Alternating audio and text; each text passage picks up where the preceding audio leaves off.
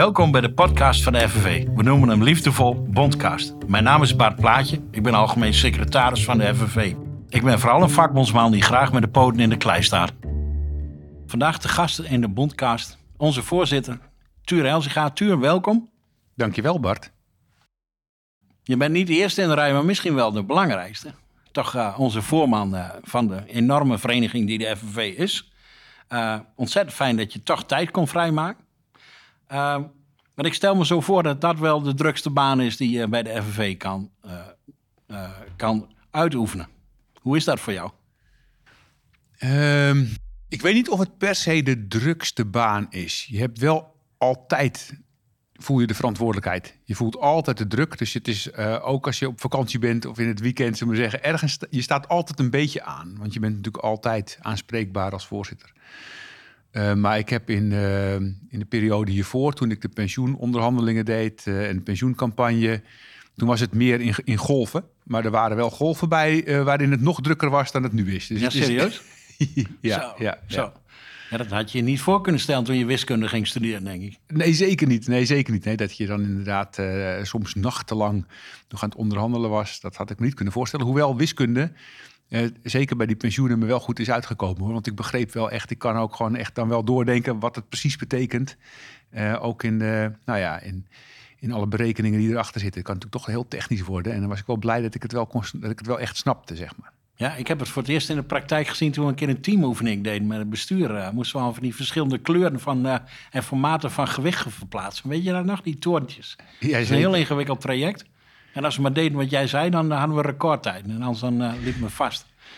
Ja, ja, dat is die wiskundeknoppel die nog steeds ergens zit... en die ik op, op het moment dat het nodig is nog weer net even aan kan zetten. Zeg maar. ja, ja, ja, ja, ja. ja nee, ik heb zelf het wiskundig inzicht van een hamster, zeg ik wel eens. Mijn, mijn ruimtelijk inzicht. Ik zou zo van die tafel aflopen. Dat deed de hamster vroeger thuis ook altijd. Die viel er zo af, die ziet geen diepte.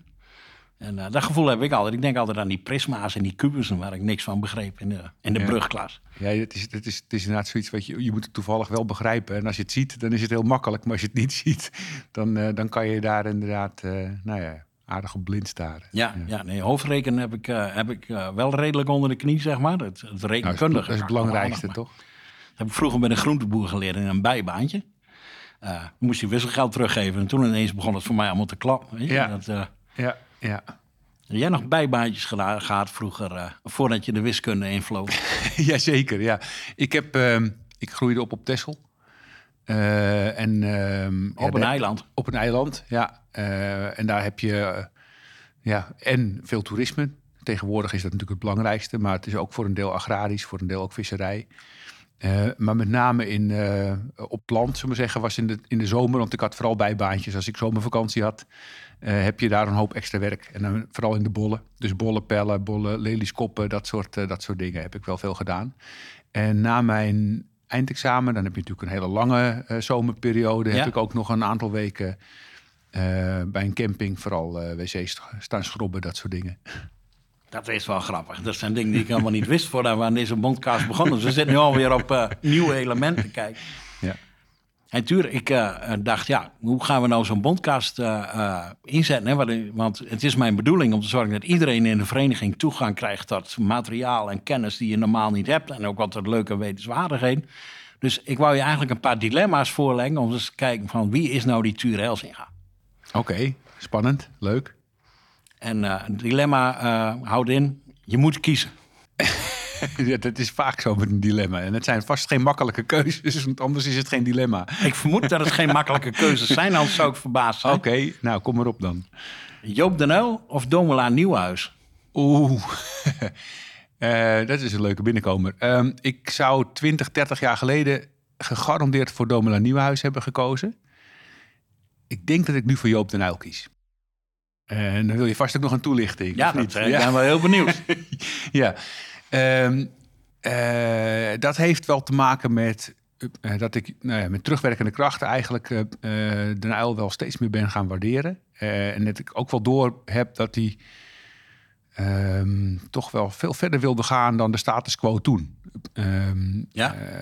ja, ja, hij, is, hij was heel erg van het ja, wat, hoe zullen we het noemen, zeg maar het marktsocialisme. Ja. Uh, maar anders dan de derde weg later uh, uh, onder Paars, hè, waarbij de sociaaldemocratie de markt echt ging omarmen en alleen maar nou ja, de, de, de, de, de scherpe kantjes van het van het eh, kapitalisme af wilde veilen, ja. bedoelde hij wel echt, we gaan wel naar het socialisme, uh, maar de staat is niet voor alles een oplossing. He, dus datgene wat van ons allemaal is, moet je wel gewoon onder de controle houden van de staat. Ja. Maar je wil ook niet, he, dus je zag natuurlijk in die tijd uh, wel al haarfijn waartoe een te sterke en te autoritaire staat met name in het Oostblok ook kon leiden. Ja. Uh, ja. En dat betekende eigenlijk dat, het, nou ja, dat hij ook wel koos voor een democratisering van de economie. Waarbij gewoon uh, nou ja, de mensen die het werk doen op de werkplek, weliswaar onder de markteconomie, maar gewoon wel veel meer zeggenschap hebben. En op die manier werken aan een radicale herverdeling van de macht en van inkomen en kennis.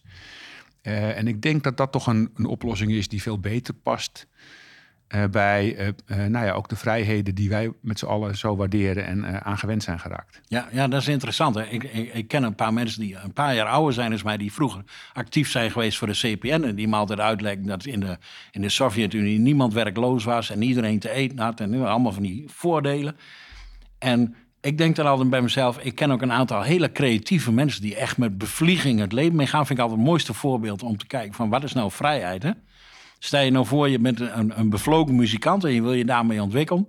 Maar je bent verplicht om de heilstaat toe te zingen. Ik noem maar wat. Weet je, dan, zulke mensen worden doodongelukkig in, in, in, in zo'n maatschappij. En het brengt altijd wel bij, inderdaad, gaat dat dan wel, gaat dat er wel samen? Hè? Die, die, die, uh, riep één staat er vijf. Daar moet het ongeveer worden. Uh, als je dat nu roept, word je uitgemaakt voor communist, denk ik. Uh, ja, ja, zeker. Ja, ja. Nou ja, kijk, natuurlijk is de maatschappij sindsdien uh, een heel en de andere kant op veranderd. Hè. Uh, ja, sinds de jaren tachtig, zullen we zeggen, is... nou, ik geloof dat het in de jaren negentig was dat Bolkestein zei... dat iedereen in Nederland, behalve de SP van Jan Marijnissen... maar verder iedereen in Nederland liberaal was. Ja, ja. Toen wist ik ook meteen bij welke partij ik me moest melden, zullen we zeggen. Maar... Um, en jij meldde je bij de SP, toch? ja, want ik, ja. ik, voelde me niet zo liberaal en daar niet zo thuis. uh, maar inmiddels uh, zegt zelfs Rutte dat we in een socialistisch, in een diep socialistisch land wonen. Nou, daar kan je natuurlijk wel wat vraagtekens bij stellen. maar je, zo, zie, zo, zie, je maar, de, de, de tijdgeest doet veel. Uh, en ten opzichte van ja, waar we natuurlijk gewoon naartoe zijn bewogen. Uh, ja, snap ik wel dat een hoop mensen toch ook wel denken... Uh, ja, volgens mij wordt Den Uyl door, uh, door veel meer mensen tegenwoordig op handen gedragen. Ja, ja. met terugwerkende kracht. Hè? Dus nou, hoe zeg je, wat is het gezegd ook weer? Hè? Achteraf kijk je een koe ja. in zijn hol. Ja. ja, dat is hem. Dat ja, is hem. Ja. In Drenthe zeggen ze dan op, op zijn achteraf keek je een koe in de kont. Ja, ja, ja. ja. Hey, en nou we het toch over die SP hebben. volgende dilemma. Oh jee. Emiel Roemer of Jan Marijnissen? Dan moet je natuurlijk ook kiezen. Ja. Um, dat is wel een lastige. Kijk, ik heb, ik, ik, ik, heb ontzettend veel waardering voor allebei. Dus ik, moet, ik, ik, ik, ik ga even redeneren. En dan kom ik vanzelf misschien tot een keuze. want ik begrijp dat ik iets moet Doe je best. Want ik heb heel erg lang met Jan samengewerkt. Uh, uh, uh, toen ik in de Tweede Kamer werkte. Ja. En Jan was natuurlijk en een man van het volk, uh, worstendraaier, uh, staalarbeider, nou, alles, ja. lasser, alles geweest. Maar uh, tegelijkertijd ook een beetje een, een self-made intellectueel. Hè. Die kon ook nou, mooie boeken schrijven.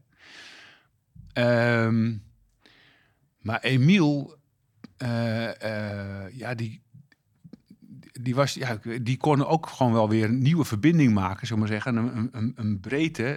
en ik denk dat dat wel ook iets is wat we nu uh, heel erg nodig hebben. Uh, uh, ja, het, het, feit dat je gewoon. eh, en en, en nou, misschien. Laat ik zeggen, Emiel, omdat eh, omdat ook gewoon in, in, in wat we nu nodig hebben, eh, als het gaat om waar wij voor strijden als vakbond. Uh, Emiel natuurlijk ook wel een geweldige bijdrage heeft gegeven uh, aan uh, de noodzaak dat we arbeidsmigranten een beetje normaal gaan, gaan behandelen in dit Ja. land. En niet als een verdienmodel en een manier om eh, vooral heel veel werkenden eh, uit te buiten. Ja, correct. Ehm, dus om die reden zeg ik vanuit het hier en nu, denk ik eh, Emiel. ja, ja. ja, ja, ja. Ja, dat heb je. Heb je toch aardig mee gered, Tuur. Dat, eh. hey, en eh, je kwam bij de SP terecht, dat, politieke engagement, hè, eh, die betrokkenheid. Wanneer is dat bij jou ontstaan? Ik kan mezelf herinneren, toen, ik denk dat ik tot mijn 25e, uh, maar nooit met dat soort dingen bezig hield. Ik was helemaal niet geïnteresseerd in de politiek. Weet je, we keken in de jaren 90 met een afstandje naar Wim Kok en we dachten, tenminste, op mij, daar waar ik zat, in, in de provincie, op, op, op MBO-niveau hooguit, en, en kijken hoe je je toekomst opbouwt. We vonden een Wim Kok een beetje een sneu figuur. We dachten, waar komt die nou vandaan? Uh, en dat was het hoge gezag waar we ons ding wouden afzetten. Dus ik begon toen wel SP te stemmen uiteindelijk. Uh, maar echt betrokken was ik niet. Maar volgens mij was jij al jong uh, die richting. Nou ja, op de middel, tijdens de middelbare school ook niet hoor. Ik, ik vond het ook vooral leuker om tegen dingen aan te schoppen dan. Uh, um, maar ik, ik kwam van een eiland waar, ja. Um, waar je in elk geval zeg maar de geborgenheid hebt van hè, op zo'n eiland uh, moet je een beetje, uh, ook als je een hekel hebt aan elkaar, je moet uiteindelijk toch samen uh, ja, op dat ja, eiland ja. verder en een beetje voor elkaar zorgen. Ja. En ik kwam, ik, ging, ik ging studeren in Amsterdam en dan zit je, nou ja, op, op de schaal van Nederland is dat een grote stad, zou ik zeggen. Ja, absoluut. en dat is dan een stuk anoniemer. Dan kun je ineens, nou ja, in je eentje bij wijze van spreken verdwalen en, en iedereen kwijtraken. Uh, en, en dat heeft als gevolg dat je ook veel grotere tegenstellingen ziet. Uh, uh, dingen die ik nooit gezien had. Mensen die op straat uit prullenbakken aten, op straat sliepen. en tegelijkertijd ook veel meer rijkdom en veel grotere tegenstellingen. Ja, staat daar en, naast en, elkaar natuurlijk. Ja, veel ja. grotere maatschappelijke problemen die zichtbaar zijn dan. Ehm, en dat, ja, ik ging dus naar Amsterdam om natuur- en sterrenkunde te studeren. Ehm, maar na een jaar had ik zoiets van, ja, ik vind eigenlijk die puzzel van hoe mensen met elkaar omgaan en hoe je nou met, met deze, deze maatschappelijke tegenstellingen, hoe je daar uh, toch een, een, fatsoenlijke samenleving van kunt maken, vind ik een veel grotere uitdaging. Vond Ja, ik ja, ja. uh, misschien ook omdat ik wel een wiskundeknobbel had, maar dit inzicht totaal niet had. En, en, en dacht van ja, dit is iets, hier snap ik niks van of dat moet ik echt leren begrijpen. Ja. Uh, dat is voor mij echt wel veel, ja, veel grotere vraagstuk. Uh, dus toen begon ik, begon ik me eigenlijk pas daarvoor te interesseren.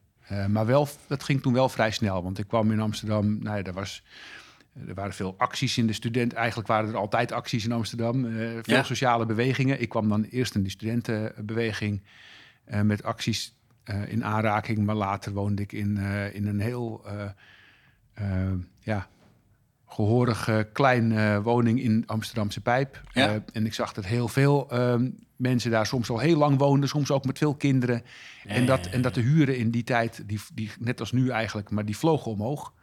Uh, dat vonden we toen, nu denk je, had ik zo'n huur nog maar, maar toen vonden we dat al heel erg onbetaalbaar. Ja, precies. Um, en dus ik, ik, ging me ook bemoeien met, met de, met de huur, huurrechten en huurprijzen via lokaal wijk, wijkspreekuur.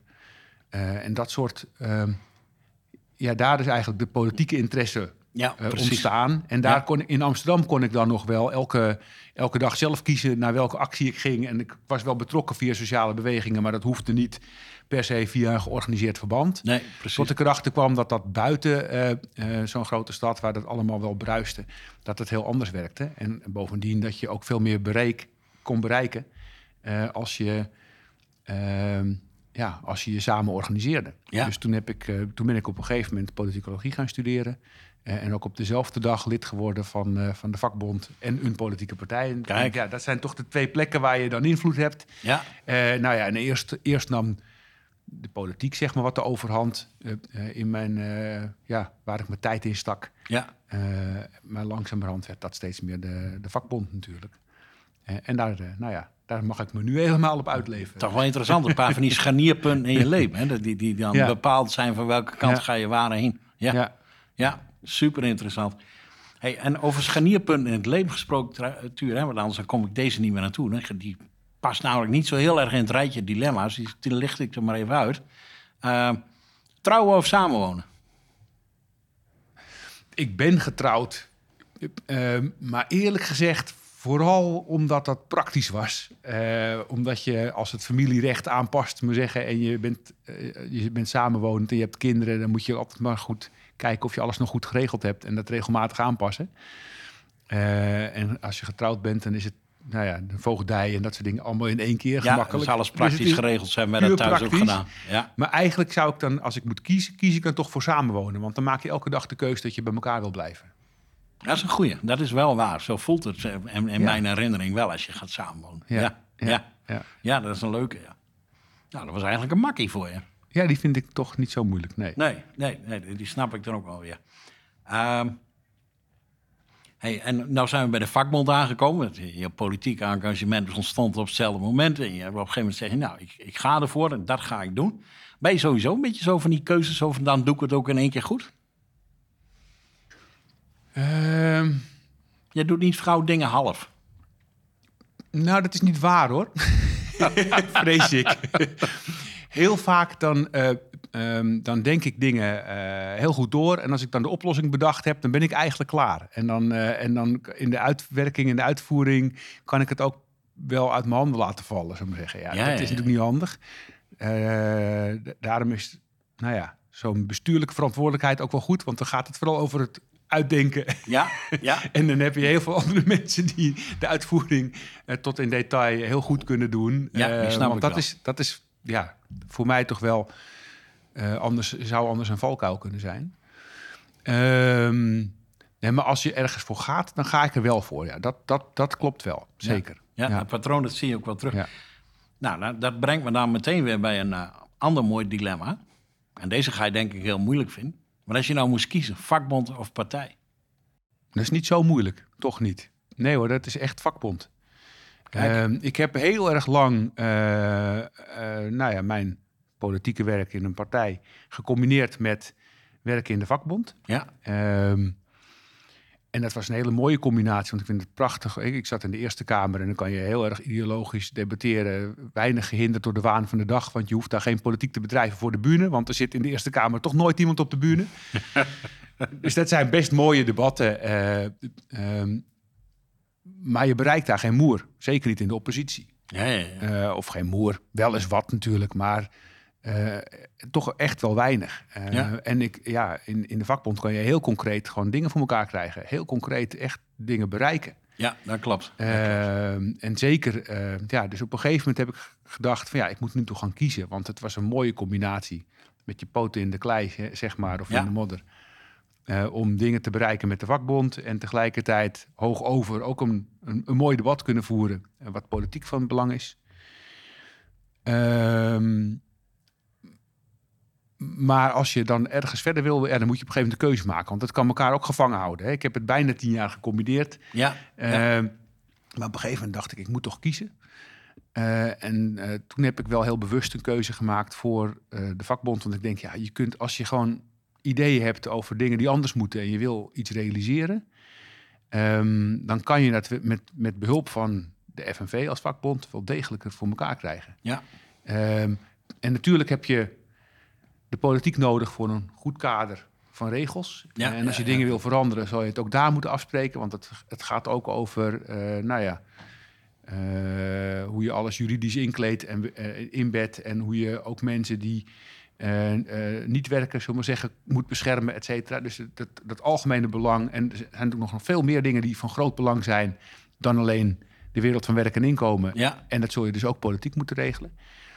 Maar alle mooie veranderingen die we tot stand hebben weten te brengen in Nederland, maar waar dan ook in de wereld, is altijd toch wel ontstaan door druk van onderop. En dat moet je eerst organiseren. ja. En de vakbond is dan toch wel, nou ja, de, de belangrijkste actor om die verandering, om die druk tot, tot sta, eh, ja, voor Ja. elkaar te krijgen. Ik kan me daar wel wat bij voorstellen. Ik- weet nog dat ik ja, als organizer in de schoonmaak werkte. En dat mensen waar ik later mee sprak, dat die zeiden van ja, maar je- jullie hebben 14 weken gestaakt. En die mensen verdienen nog maar 11,85 euro. En ja, aan de ene kant is dat zo. Aan de andere kant, ze zaten op 10 euro. En eh, eh, de werkgevers zeiden, je krijgt er helemaal niks bij. Dat was gewoon een officieel bord. En als je kijkt, ik heb eh, in mijn carrière als organizer bijna 800 huisbezoeken gedaan, waarvan meer dan de helft schoonmakers. En dat was voor mij de periode dat mijn, eh, mijn betrokkenheid eigenlijk nog verder groeide. Omdat ik toen echt in die tijd ook gezien heb hoe zo, hoeveel mensen toch moeten vechten om elke maand te overleven. Als het leven overleven is, omdat je zo weinig inkomen hebt. En dan is 10 euro in het uur of 11,85 euro in het uur is nogal een verschil. Dat maakt ontzettend veel uit. Maar misschien nog wel belangrijker, eh, ehm, wat, wat ik gezien heb. Hè, ik heb ik was niet zo eh, direct betrokken bij de schoonmaakcampagne. En ik heb lang niet zoveel mensen gesproken als jij, Bart. Maar ik heb ook een aantal schoonmakers gesproken. Eh, en nog steeds, eh, maar ook in die tijd al. En het allerbelangrijkste verschil is, ze waren door die campagne zichtbaar. Ja, En ze dwongen respect af. ja. En dat was iets, ja, als je je onzichtbaar voelt en niet gerespecteerd en totaal niet gehoord. En dat doet zoveel voor je zelfvertrouwen in negatieve zin. Dat is zo, zo, zo eh, eh, dat krenkt mensen, zeg maar. Ja. Dat, dat kan mensen knakken. Eh, toen, toen de FNV begon aan die campagnes was respect zelfs een beetje een stoffig woord geworden in de taal. Kan ik me herinneren. En toen we klaar waren, toen was het Ja. woord weer gepopulariseerd. Zeker. Het zit nu weer Ja. overal in de taalgebruik en in de beleving van mensen. En Ja, maar je wil gewoon gerespecteerd worden voor wat je doet. Niet Ja. alleen dat, je wilt gewaardeerd worden. En waardering komt natuurlijk voor een deel eh, tot uitdru- uitdrukking gewoon in je arbeidsvoorwaarden. Die moeten goed zijn, maar waardering is veel meer dan dat. Je Ja. wil gewoon dat wat je doet, eh, daar wil je trots op kunnen zijn. Hè, dat is uiteindelijk het doel voor mij, voor de, ja, waar waar we als FNV of als vakbeweging voor knokken Ja. is niet elk jaar voor hetzelfde tientje moeten knokken. Daarom willen we natuurlijk ook die automatische prijscompensatie, zodat je gewoon voor verbeteringen kunt strijden en niet altijd voor hetzelfde tientje opnieuw moet knokken. Maar veel belangrijker is dat je je werk zo kunt doen, zo kunt inrichten, dat je het kunt combineren met andere dingen die in, in het leven belangrijk zijn. Ja. Maar dat je ook invloed hebt op de inhoud van je werk en op waar je werkt en op hoe je werkt. Zodat je gewoon eh, nou ja, op een verjaardagsfeestje trots over je werk kunt vertellen. Ja, In plaats van dat je denkt van nou, eh, ik weet niet of ik dit wel kan vertellen. Eh, Ja. dat is zo'n belangrijk. Ja, je bent tenslotte een groot deel van je leven met werken bezig. Je moet het maar beter leuk vinden. Ja, ja ik, ik snap hem wel. Want nu met, de- met de oplopende inflatie inderdaad. Je zegt, we gebruiken het instrument automatische prijscompensatie... om te kijken dat we, eh, eh, dat we daar een tegenwicht aan bieden. Want steeds grotere groepen gaan in de moeilijkheden komen... met de ontwikkeling die we nu zien. Ehm, dat brengt ons meteen bij Nederland verdient beter. De campagne die we vorig jaar gestart zijn. Eh, kan je ons kort meenemen waar, waar, waar dat over gaat? Jazeker. Kijk, we hadden natuurlijk eigenlijk het idee, en dat het is nog steeds, hè, als we kijken naar wat is op de langere termijn het doel van de vakbeweging, ja, dat is niet alleen maar over loon onderhandelen. Eh, want we hebben tenslotte, de titel van ons meerjarenbeleid is het roer in handen. We willen Ja. als werkende gewoon weer veel meer eh, controle hebben op hoe we werken, op ons leven eh, en, en dus op ons werk, want ons werk is een groot deel van ons leven. We willen meer grip hebben op de maatschappij en op eh, wat we samen doen eh, en op onze eigen eh, loopbaan, op ons eigen, onze eigen plek in het leven. Maar die grote veranderingen, of die, die, die, ja, die grotere thema's, ja, daar kom je pas aan toe. Op het moment dat je je niet dagelijks vooral zorgen hoeft te maken... of je aan het eind van de maand de rekening nog wel kunt betalen. Of Ja. nog erger, hè, is toch steeds meer van onze leden maken zichzelf zorgen... of ze wel in een verwarmd huis kunnen blijven wonen... eh, en of ze wel ehm, gewoon genoeg brood op de plank hebben... om hun kinderen niet zonder honger naar school te sturen. Ja, mooi nagaan. Ja. Hè, weet je, dat, dat soort hele elementaire, wat, je, wat jij zegt... Hè, het verschil tussen, tussen een tientje of, of, of 11,85 ja. is of je aan het, aan het leven, of je kunt leven, of dat je gewoon elke dag aan het overleven bent. Ja. Eh, ja, en daarvoor is het natuurlijk in eerste instantie die basis moet op orde zijn. En daarom is het zo ontzettend belangrijk dat we de afgelopen jaren hebben we geknokt voor het stoppen van de race naar beneden. Met name dat mensen gewoon een zeker contract hebben. Dat als je werkt, dat je ook gewoon weet hoeveel uren je werkt. Ja, ja, en dat je aan het eind van de maand weet van nou, ik heb genoeg gewerkt om van te kunnen leven. Maar de andere kant, hoeveel je dan per uur verdient. Dus eh, of de inflatie niet ondertussen je koopkracht van binnenuit opvreet. Ja. Ja, dat is ook belangrijk. Dus wij willen twee dingen. Mensen moeten gewoon zekerheid hebben over hun contract en over of ze morgen of overmorgen nog werk hebben. Eh, en ze moeten zekerheid hebben over hun inkomen en over hun koopkracht. En daarom is die prijscompensatie echt cruciaal. Ja. Want dan weet je dat je aan het eind van de maand gewoon je rekeningen, als je ze gisteren kon betalen, kan je ze morgen ook betalen. En dan kun je tenminste ook weer nadenken over al die andere dingen die belangrijk zijn. Ja, hey, hey, Tuur, en eh, zaterdag dan hoop ik even langs de groenteboer te gaan... en een paar gezonde dingetjes te kopen voor in het huishouden. En dan zegt die groenteboer, die zegt tegen mij... ja, beste vakbond, jullie gaan eh 17% eisen. Maar wat nou als ik eh, mijn eh, twee medewerkers ook 17% meer moet gaan betalen? Dan ga ik toch kopje onder? Ja, en dat, en dat, kijk, en iedereen denkt van ja, verdorie, ik voel wel mee met die, met die uh, groenteboer of met die bakker die ook nog eens een keer een hele hoge energierekening heeft, omdat die ovens niet meer te stoken zijn, zeg maar, met de huidige gasprijs. Hoewel gelukkig is het ietsje lager als dat het in het najaar was. Ja. Maar tegen die bakker en die groenteboer wil ik zeggen, kijk, jullie leven toch vooral van de mensen die in staat zijn om bij jullie een brood of, uh, uh, of een zak aardappelen te kopen.